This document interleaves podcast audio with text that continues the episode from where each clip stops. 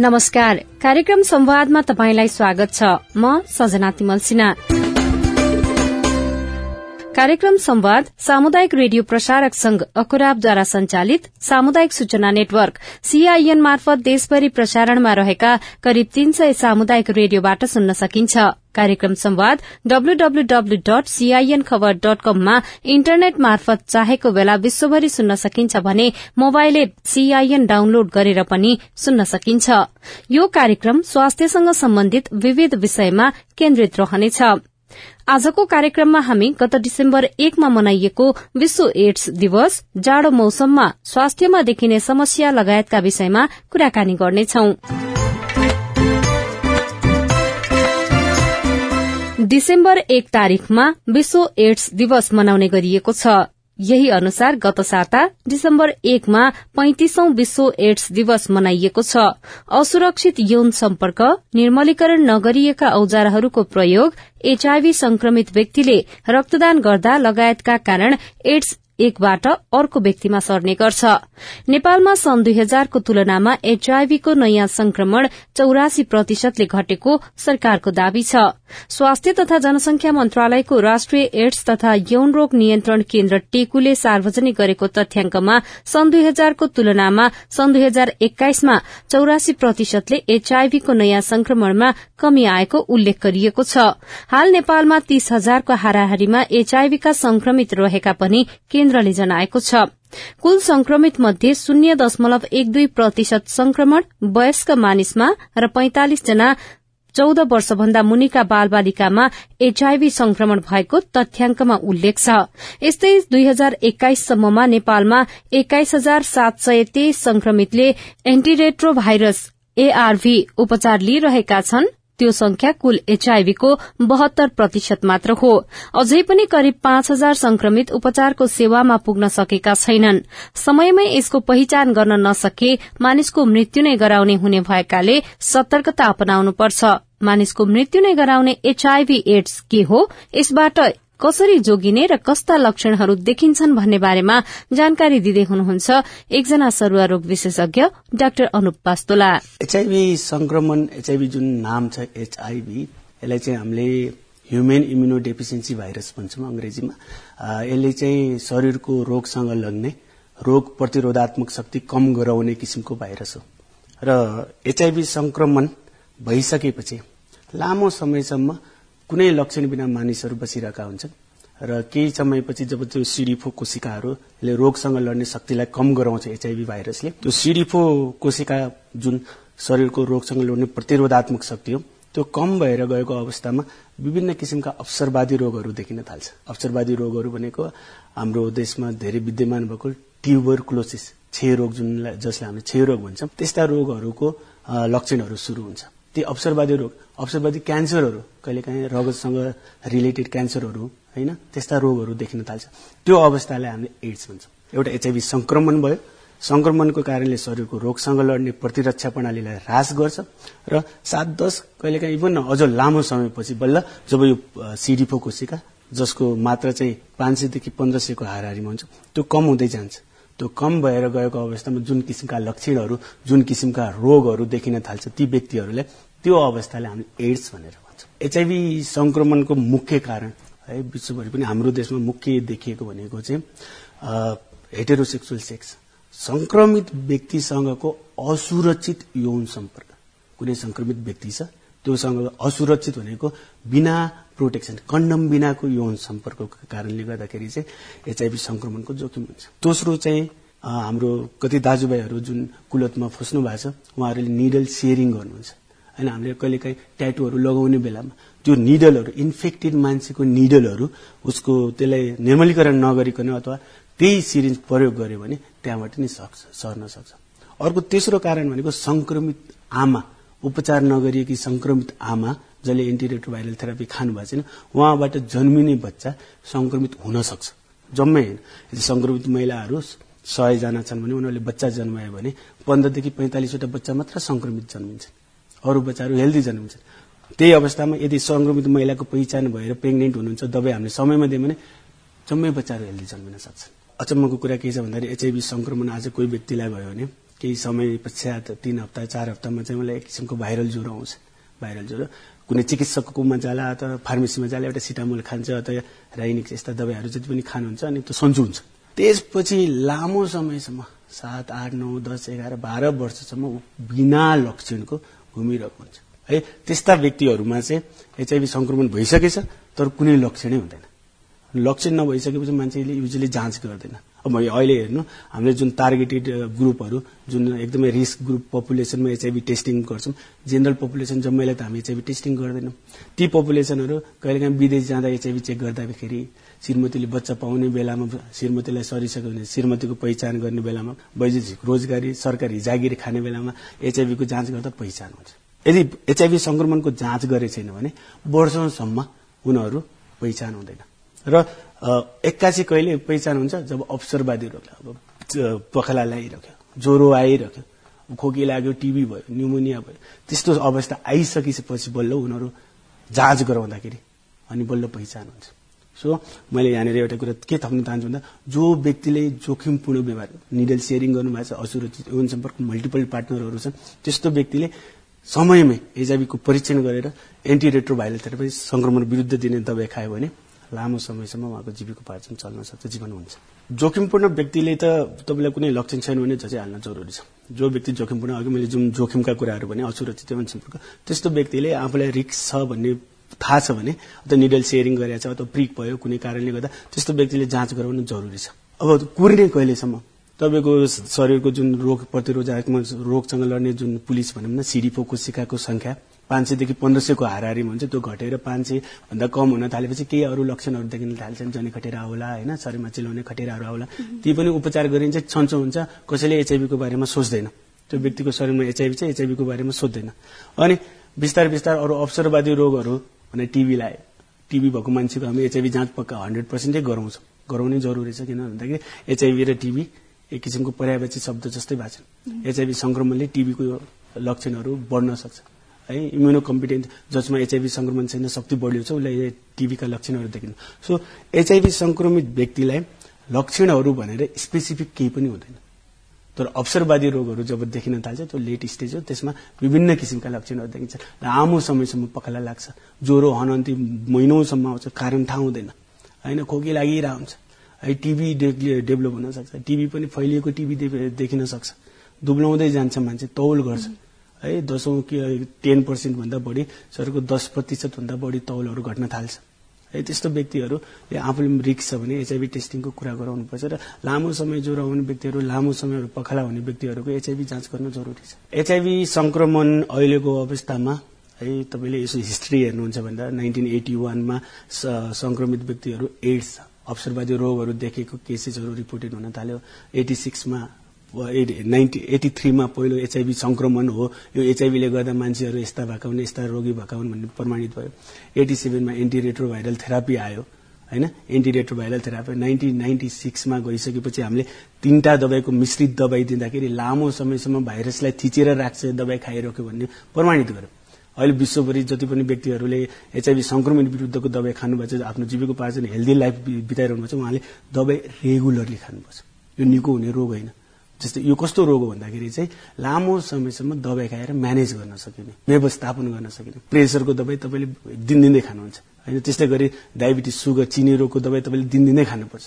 त्यो म्यानेज गरेको। त्यसै गरी एचआइभी संक्रमणमा पनि जुन एचआइभी संक्रमण विरुद्ध बनाएका दबाईहरू छन् त्यो दबाईहरू सही समयमा खाँदाखेरि उसले त्यो समयसम्म भाइरसलाई थिचेर राख्छ। र भाइरसलाई थिचेर राखिसकेपछि तपाईँको शरीरको रोगसँग लड्ने जुन सिडिफो भने पुलिस भने मैले त्यो संख्या घट्न पाउँदैन त्यो बिस्तारै बढ्छ त्यो जब शरीरमा मात्रामा पुग्छ राम्रो आफ्नो लेभलमा पुग्छ अवसरवादी रोग लाग्दैन। अवसरवादी रोग नलागेपछि मान्छेको मृत्यु हुँदैन। सो दबाई खाएर व्यवस्थापन गर्न सकिने रोग हो। यो चाहिँ निको हुने रोग पनि होइन यो ज्यानमारा रोग पनि होइन। एउटा कुरा है हामीले जुन पहिल्यैदेखिको धारणा के छ भन्दा यो ज्यानमारा रोग हो। एचआइभी संक्रमित एड्स भनेको त यो मान्छे मर्छ भन्ने जुन धारणा छ नो। एन्टी रेट्रोभाइरल थेरापी खाइसकेपछि मान्छे आफ्नो आयु बाँच्छ। अब अहिले अहिलेसम्मको अवस्थामा भन्दाखेरि चाहिँ हामी एचआइभीको एचआइभीमा यो छत्तिस वर्षमा मान्छे बचाउन सक्यौँ। मान्छेलाई क्वालिटी ट्रिटमेन्ट पनि उपचार पनि उपचार पद्धतिहरू गर्दै जाँदा कुनै दबाईहरूको साइड इफेक्ट एकदमै विकराल अवस्थामा देख्यो। र ती प्रक्रियाहरूमा जाँदाखेरि चाहिँ अहिले एकदमै सुरक्षित दबाईहरूमा हामी पुगिसकेका छौँ। तर अहिले पनि विश्वभरि तपाईँको यो दबाई खाएर सन्चो हुने अथवा त्यस्तो दबाई बनिसकेको छैन। हामीले एचआइभीको भ्याक्सिनहरूमा ट्रायल गर्दैछौँ। अस्ति भर्खरै थाइल्यान्डमा गरिएको एउटा भ्याक्सिनले चाहिँ थर्टी वान प्रतिशत एकतिस प्रतिशत चाहिँ प्रोटेक्सन गर्छ भन्ने कुराहरू देखिसकेको छौँ। त्यस्तै गरेर धेरै धेरै अरू जस्तै तिन महिने सुई हामीले जसरी सङ्गिनी सुई भनेर सुनेका छौँ त्यस्तै गरेर एचआइभी सङ्गमितलाई दिनका दिन दबाई खाँदाखेरि धेरै किसिमका समस्याहरू भयो। होइन? खास एकदम दिक्क लागिसकेको दबाई खाँदा खाँदै भन्नुहुन्छ बिरामीले। त्यही कुरालाई मध्यनजर गरेर हामीले इन्जेक्सनहरूमा पनि ट्रायलहरू गर्दैछौँ होइन? अर्को कुरा एचआइभी संक्रमण निकालेर फाल्नलाई शरीरबाट निकालेर फाल्नको लागि चाहिँ विभिन्न किसिमका दबाईहरूमा हामीले ट्रायल गर्दैछौँ। एचआइभी लुकेर बस्छ। त्यो लुकेको ठाउँबाट एचआइभी भाइरस त्यही भएर हामीले दबाई खाएर पनि त्यसलाई निर्कुल गर्न सक्दैनौँ। हाम्रै शरीरको आफ्नै कोशिकाभित्र लुकेर बस्छ डिएनएमा होइन त्यसलाई निकालेर फाल्न नसकेपछि अहिले चाहिँ हामीले यस्तो दबाईहरूमा अनुसन्धान गरिरहेको छौँ त्यो डिएनएलाई बाहिर लिएर आउने है। र त्यसलाई एआरटीको हेल्पले चाहिँ मार्ने ती अनुसन्धानहरू भइरहेछन् एचआइभी संक्रमित महिलाले समयमै अघि मैले जुन एचआइभी संक्रमण विरुद्धको दबाईको कुरा गरेँ त्यो दबाई समयमै हामीले सुरु गरिदियौँ भने होइन बच्चा जन्मिने बेलासम्म उसको शरीरमा भाइरल लोड एचआइभीलाई थिचेर राखेको अवस्थामा बच्चा हेल्दी जन्मिन्छ हन्ड्रेड पर्सेन्ट। है अहिले तपाईँले तिन चारवटा कन्ट्रीहरूले के एचिभ गर्यो भन्दाखेरि आमाबाट बच्चामा सर्ने एचआइभी अर्को एउटा रोग छ बेरिङ्गे त्यसलाई चाहिँ एलिमिनेट गरे। भनेको उनीहरूले संक्रमित आमाबाट जन्मिने जम्मै बच्चाहरू हेल्दी जन्माएर देखाए। त्यसको कारण चाहिँ एन्टी रेट्रोभाइरल थेरापी जुन संक्रमण विरुद्ध दिने दबाई छ त्यो समयमै सुरु गरिदिउँ भने तिनीहरूबाट जन्मिने बच्चाहरू हेल्दी जन्मिन्छन्। दबाई नै नखाएका महिलाहरूबाट जन्मेका बच्चाहरू पनि अघि मैले भने पन्ध्रदेखि पैंतालिस प्रतिशतलाई मात्र सर्छ अरू जम्मै बच्चाहरू संक्रमित आमाबाट जन्मेका बच्चाहरू पनि हेल्दी छन्। कति व्यक्तिहरू अझ मान्छे कसरी भयो। तर अहिले पनि हाम्रो समाजमा हाम्रो कतिपय चिकित्सक साथीहरूले के गर्नुहुन्छ भन्दा एचआइभी सङ्क्रमित बच्चै जन्माउनु हुँदैन होइन? त्यस्तो अवस्थाहरू पनि छ। त्यो होइन त्यो बिल्कुलै होइन। एचआइभी संक्रमित मान्छेले पनि बच्चा जन्माउन सक्छ तर एन्टी रेट्रोभाइरल थेरापीको प्रयोग गरेर बच्चा हेल्दी जन्माउन सक्छ। नेपालमा एचआईभी संक्रमित मध्ये उच्च जोखिममा रहेका समूहमा सुईद्वारा लागू पदार्थ प्रयोग गर्ने यौनकर्मी पुरूष समलिङ्गी तथा तेस्रो लिङ्गी र रोजगारीका लागि विदेशी नै धेरै रहेका छन्। अब जाडोयाम र यो मौसममा देखिने रोगको कुरा। जाडो मौसम शुरू हुनासाथ विभिन्न स्वास्थ्य सम्बन्धी समस्या देखिने गर्छ। विशेष गरी मुटु सम्बन्धी समस्या दमको समस्या बढ़ी देखिने गर्छ।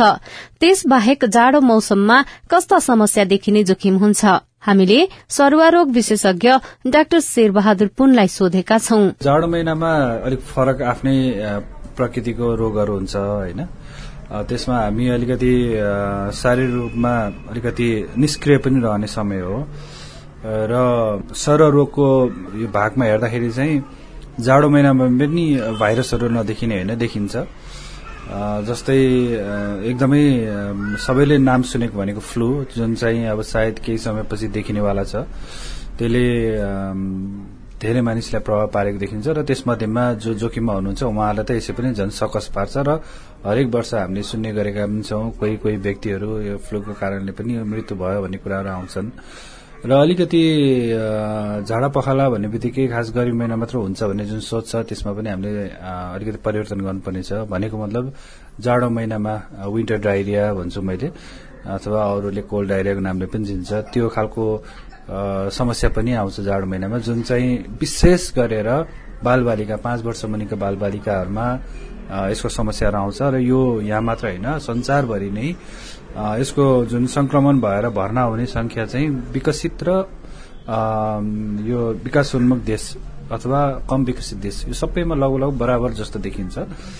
तर मृत्यु दर चाहिँ हाम्रो जस्तो अति कम विकसित देशहरूमा बढी मात्रामा देखिएको छ। त्यो किन त्यस्तो भयो भन्दाखेरि चाहिँ अब त्यसको औषधि हुँदैन तर त्यसको लागि चाहिँ हामीले जुन स्लाइन पानीहरू चढाउँछौँ समयमै त्यसले चाहिँ बढी मात्रामा बचाउने हो। भनेको मतलब यदि के गरे हाम्रो भौगोलिक दृष्टिकोणले हेर्दाखेरि गाउँ घरतिर हेर्ने हो भने सबै ठाउँमा पहुँच नपुग्न सक्छ स्वास्थ्यको र कहिलेकाहीँ पुगे तापनि त्यो ठाउँमा आवश्यक औषधिहरू नहुन सक्छ त्यसले गर्दाखेरि चाहिँ मृत्युदर बढेको हो कि जस्तो मलाई लाग्दछ।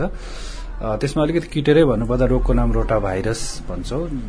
र नेपालमा मैले आफ्नो व्यक्तिगत अनुसन्धानबाट के देखाएको थिएँ भने झन् चालिस प्रतिशतको हाराहारीमा जाडो महिनामा बढी विशेष गरी जाडो महिनामा जुन बालबालिकाहरू भर्ना हुन्छ त्यसैको कारणले हुँदो रहेछ भनेको भन्ने कुरा चाहिँ अनुसन्धानहरूले देखाएको छ। त्यो ठूलो संख्या हो। र एसियामै हेर्ने हो भने लगभग पचास प्रतिशतको हाराहारीमा देखिन्छ। यसरी हेर्दाखेरि चाहिँ नेपालमा अहिले पनि एउटा रोटा भाइरस उत्तिकै जल्दो बल्दो समस्या छ जस्तो लाग्दछ। र त्यसमा पनि अब हाम्रो जुन नसुनेको नाम भन्छु यसलाई म नेपालमा खासै सुने सुनेको चर्चामा नआएको नाम हो यो।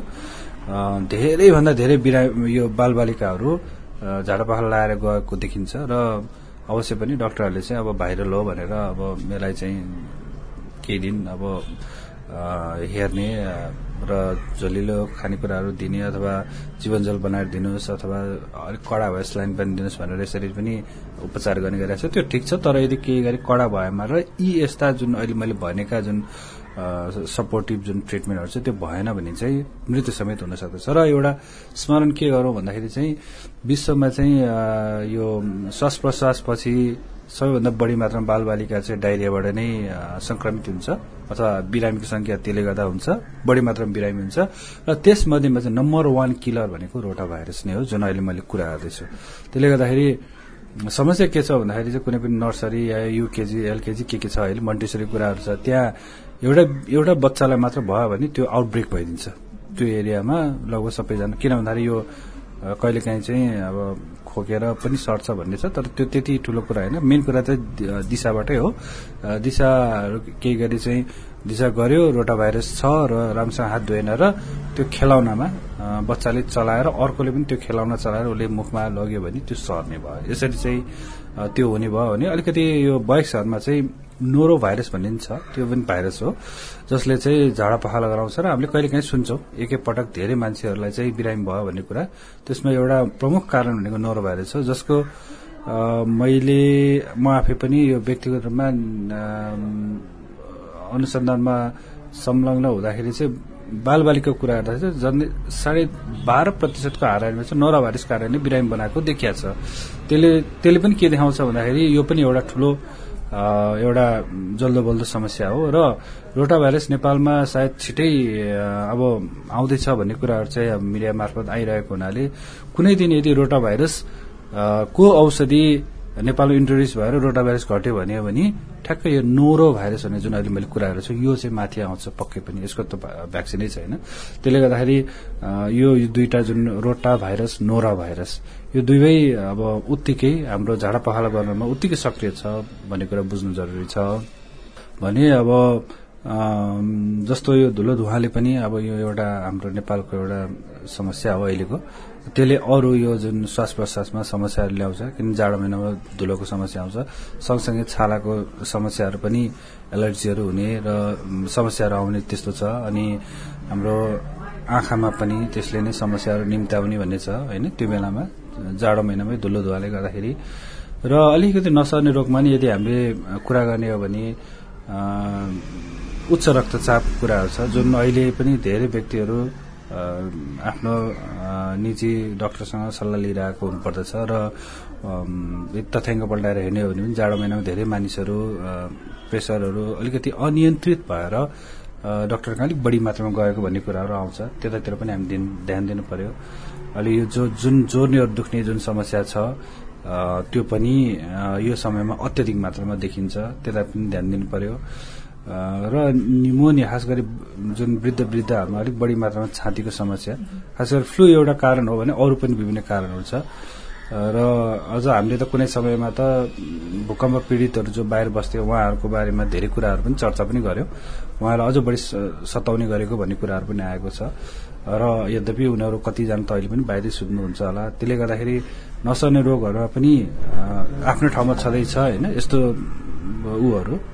समस्याहरू स्वास्थ्य समस्याहरू भने सरुवा रोगमा पनि हावाबाट सर्ने भयो र जुन झाडा कुराहरू आएको छ भाइरल डाइरिया यो पनि प्रशस्त मात्रामा देखिने भएको हुनाले हामी अब गर्मी महिना भयो जाडो महिना भयो केही छैन भनेर ढुक्क नबसौँ। यसले पनि संसारभरि उत्तिकै प्रभाव पारिरहेको छ र नेपाल अछुतो छैन। अनि नेपालमा पनि यस्तो खालको समस्याहरू देखिन्छ तर यो बारेमा धेरै चर्चा परिचर्चा नहुने भएको थाहा नभयो सामान्यतया मान्छेले के भनेर चिन्दो रहेछ? मेरो उसमा चाहिँ कोल्ड डाइरिया भनेर चिन्दो रहेछ। त्यसलाई चिन्न चाहिँ त्यसरी चिन्यो तर कोल्ड डाइरिया त कारण के हो भन्दाखेरि चाहिँ त्यहाँ भाइरल भाइरसको कुरा हो जसमा चाहिँ पाँच वर्ष मुनिकोमा चाहिँ अत्यधिक मात्रामा संसारभरि नै दुःख दिने भनेको चाहिँ रोटा भाइरस हो भने अलिक ठूलोमा चाहिँ नोरो भाइरस भन्छौँ। है हामीले कुरा गरेर चाहिँ इभन यो विकसित देशहरूमा युएसए भयो अरू यो युरोपियन कन्ट्रीहरूमा पनि क्रुज भन्छ कि यो सिपहरूमा जाँदाखेरि एकै ठाउँमा धेरै मान्छेले खाने भएको हुनाले त्यो ठाउँमा चाहिँ त्यो खालको ठुलो आउटब्रेक भएको भन्ने कुराहरू विभिन्न घटनाहरू चाहिँ हामीले अनुसन्धानको लेखबाट पढ्न पाउँछौँ। त्यो छँदैछ। त्यसले गर्दाखेरि चाहिँ यसरी चाहिँ हामीले अब यो जुन हामीले खासै थाहा नपाउने चर्चामा नआउने जुन रोग छ यसलाई पनि हामीले थाहा पाउनुपर्छ। समय आयो अब सधैँ खालि डाइरिया डाइरिया भने के हो डाइरिया भने पत्ता नलाउने होइन? यो समस्याले गर्दाखेरि बच्ने उपाय आउँदैन कि त्यसपछि? गाउँघरतिर हुन्छन् होइन? पहाड़ी एरिया भयो तराईकै एकदमै गाउँ भेगहरू हुन्छ। उनीहरूमा यदि यो भाइरस वा फेरि झाडा पखाला लाग्यो भने के के कुरामा सावधानी अप्नाउने होइन? सचेत के के कुरामा हुनुपर्ने हुन्छ? यस्तो छ। अब मेन कुरा भनेको सफा सुग्घर नै हो। हाइजिन भन्छौँ हामीले। सबै त्यहीबाट नै आउँछ। फ्लूकै कुरा गर्दा झाडा पखाला कुरा गर्दा पनि त्यही नै आउँछ। त्यसले गर्दाखेरि चाहिँ अब हामीले जुन झाडा पखाला कुरा गर्यो यसमा पक्कै पनि सफा सुग्घरकै कुराहरू छ। बालबालिकाहरूलाई पखाल लाग्छ। त्यहाँबाट भाइरस दिशा मार्फत निक्लिन्छ र अर्को राम्रोसँग हात धोएन र कतै खेलाउन धेरै जस्तो बच्चाले मुखमा खेलाउनहरू हाल्ने त्यो भएको हुनाले उसबाट उसमा उसले सर्ने भयो। अर्को चाहिँ हस्पिटल एक्वायर पनि हुन्छ भन्ने भनाइ छ। नोजोकमल इन्फेक्सन भन्छ हामीले। हस्पिटलमा पनि कहिले आउटब्रेकहरू हुन्छ भन्ने कुराहरू आएको छ। कारण मध्येमा झाडा पखाला भएको बिरामीलाई भन्ने कुराहरू आएको छ। त्यस त्यसरी नै सर्छ। भनेको मतलब समग्रमा हामीले हेर्ने हो भने चाहिँ झाडा पखाला केसमा जुन जुन कोल्ड डायरिया अथवा विन्टर डायरिया जे भनौँ जुन नोरो भाइरस रोटा भाइरसको जुन हाम्रो कुराहरू यो सबै हाइजिनसँग अलिकति बढी सम्बन्धित भएको भएको हुनाले चाहिँ ध्यान दिनुपर्छ। यो भन्दै गर्दाखेरि चाहिँ रोटा भाइरसमा त्यो हाइजिनले पनि खास काम नगरेको देखिन्छ। मैले किन भने भन्दाखेरि चाहिँ सुरुवातीमा मैले भने विकसित देशमा पनि विकासोन्मुख देश र कम विकसित देशमा जत्तिकै मान्छे चाहिँ संक्रमित हुँदो रहेछ भनेको भर्ना हुँदो रहेछ।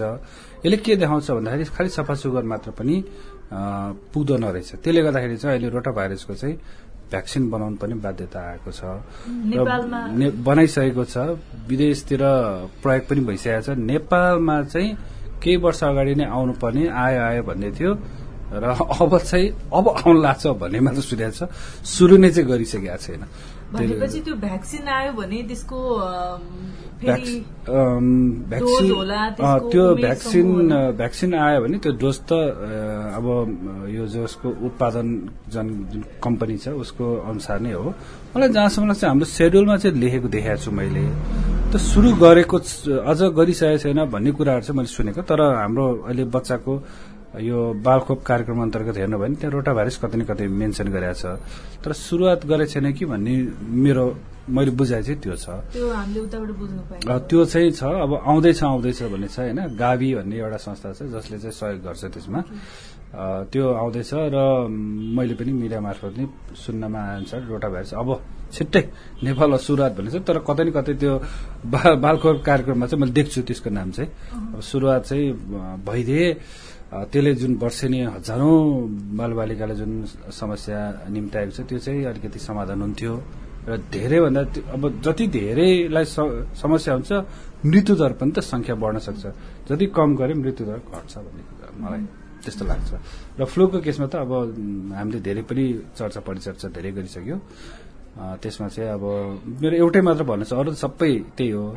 मैले यो जुन स्वाइन फ्लू जसलाई हामीले H one N one PDM zero नाइनको नामले चिन्ने गर्छौँ दुई हजार नौ सालबाट यो नयाँ देखिएको स्वाइन फ्लू जसलाई स्वाइन फ्लू पनि भन्ने गर्छ। त्यो अथवा कुनै पनि फ्लू भनौँ न यहाँ के देखिरहेछ भन्दाखेरि तपाईँ हामीले नाम हेर्ने हो भने मृत्यु हुनेहरूको नाम हेर्ने हो अथवा उसको उमेर समूह हेर्ने हो भने चाहिँ साठी सत्तरी वर्षभन्दा बढीकाहरूको मृत्यु भएको देखिन्छ नाम पढ्ने अथवा त्यसको उमेर हेर्ने हो भने।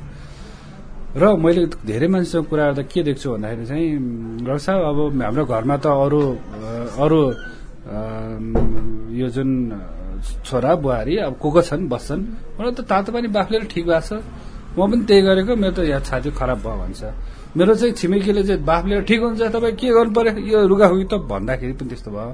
भन्ने कुराहरू गर्छन्। त्यसले गर्दाखेरि मेरो यस्तो भयो भन्ने कुरा आएको छ मेरो भनाइ भनेको अरूलाई त ठिकै छ तिन चार दिन हेर्नुहोस्। तर वृद्ध वृद्धहरूमा यो समस्या भने नकुरौँ क्या। कमसे कम एकचोटि स्वास्थ्य कर्मीसँग सल्लाह लिउँ।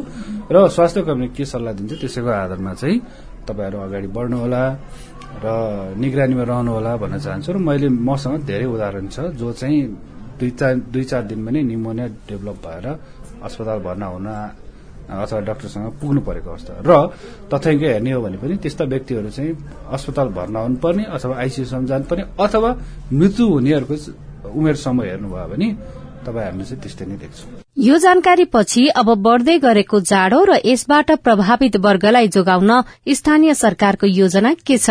हामीले कैलालीको धनगढ़ी उपमहानगरपालिकाका उपप्रमुख कन्दकला कुमारी राणासँग सोधेका छौं। शीतलहर पनि यो अब विपद नै हो भनौँ होइन? अब विपद भन्ने बित्तिकै अब कहिले आउँछ के आउँछ आएपछि यसको तयारी गरौँला त्यस्तो हुँदैन।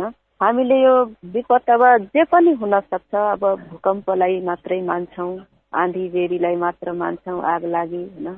त्यो मात्र नभएर हाम्रो भनौँ अब आइपर्ने हाम्रो पालिकामा या अरू पालिकामा जुन यो समस्या छ अब पानी पर्ने मौसममा पानी पर्दैन। अब जाडोको मौसममा अलि जाडो पनि हुँदैन। अलिअलि फरक फरक तरिकाले यो परिवर्तन जुन मौसम छ नि अब यसमा हामीले आफ्नो पालिकाबाट हामी तिन करोड बजेट छुट्याएका छौँ होइन? अनि यसमा अब जे समस्या आइपरि लाग्छ यो विपदमा यो शीतलहरदेखि यो भनौँ भूकम्प आग लागि जस्तै आग लागि अरू पालिकामा भए पनि हामीसँग सो साधन पनि छ। धनगढी महानगरपालिकामा दुईवटा दमकल छ अनि अनि अरू सामग्रीहरू पनि छ। जस्तै बाढी आएको थियो हाम्रै अठार माइल खोलामा। त्यति बेला पनि हामीसँग नगर प्रहरी पनि छ र आवश्यक परेको खण्डमा हामी यो बजेटकै कुरामा लास्ट अन्तिममा आएर ठोकिन्छ। बजेट छुट्याउनमा हामीले कमी गरेको छैन। र त्यस्तै पर्यो भने अब हामी फेरि नै अब यो बजेटतिर नै राम्रोसँग ध्यान दिएर नै अनि छुट्याउनेछौँ र यो विपद समाधान गर्नेछौँ भन्ने कुरा छ। जस्तै यो विपन्न वर्ग ज्येष्ठ नागरिकहरू छन् नि। अब गरी खाने त गरी खाइराखेछन् उहाँहरूलाई अब उद्यमीको पनि व्यवस्था छ। र यो ज्येष्ठ नागरिक विपन्न वर्ग छ उहाँहरूलाई हामीले त्यो छुट्टै कार्यक्रम बजेट छुट्याएका छौँ जस्तै जाडोको मौसममा यो मोटो कम्मल हुन्छ नि। अब यो कम्मल बाँड्ने व्यवस्था गरेछौँ। हामीले यथार्थ कुरा के हो त्यो बुझेरै मात्रै काम गरेका छौँ। यो कुराकानीसँगै कार्यक्रमको समय सकिने लागेको छ। आजको विषयवस्तु तपाईँलाई कस्तो लाग्यो? तपाई हामीलाई हाम्रो टेलिफोन नम्बर शून्य एक बान्न साठी छ चार छमा फोन गरेर आफ्नो कुरा भन्न सक्नुहुनेछ। साथै तपाईँले हाम्रो Facebook page at the rate CIN खबरमा गएर पनि आफ्ना कुरा लेख्न सक्नुहुनेछ। सीआईएनले तयार पारेको कार्यक्रम संवादबाट प्राविधिक साथी सुरेन्द्र सिंहसँगै सजना तिमल सिना विदा हुन्छु। नमस्कार।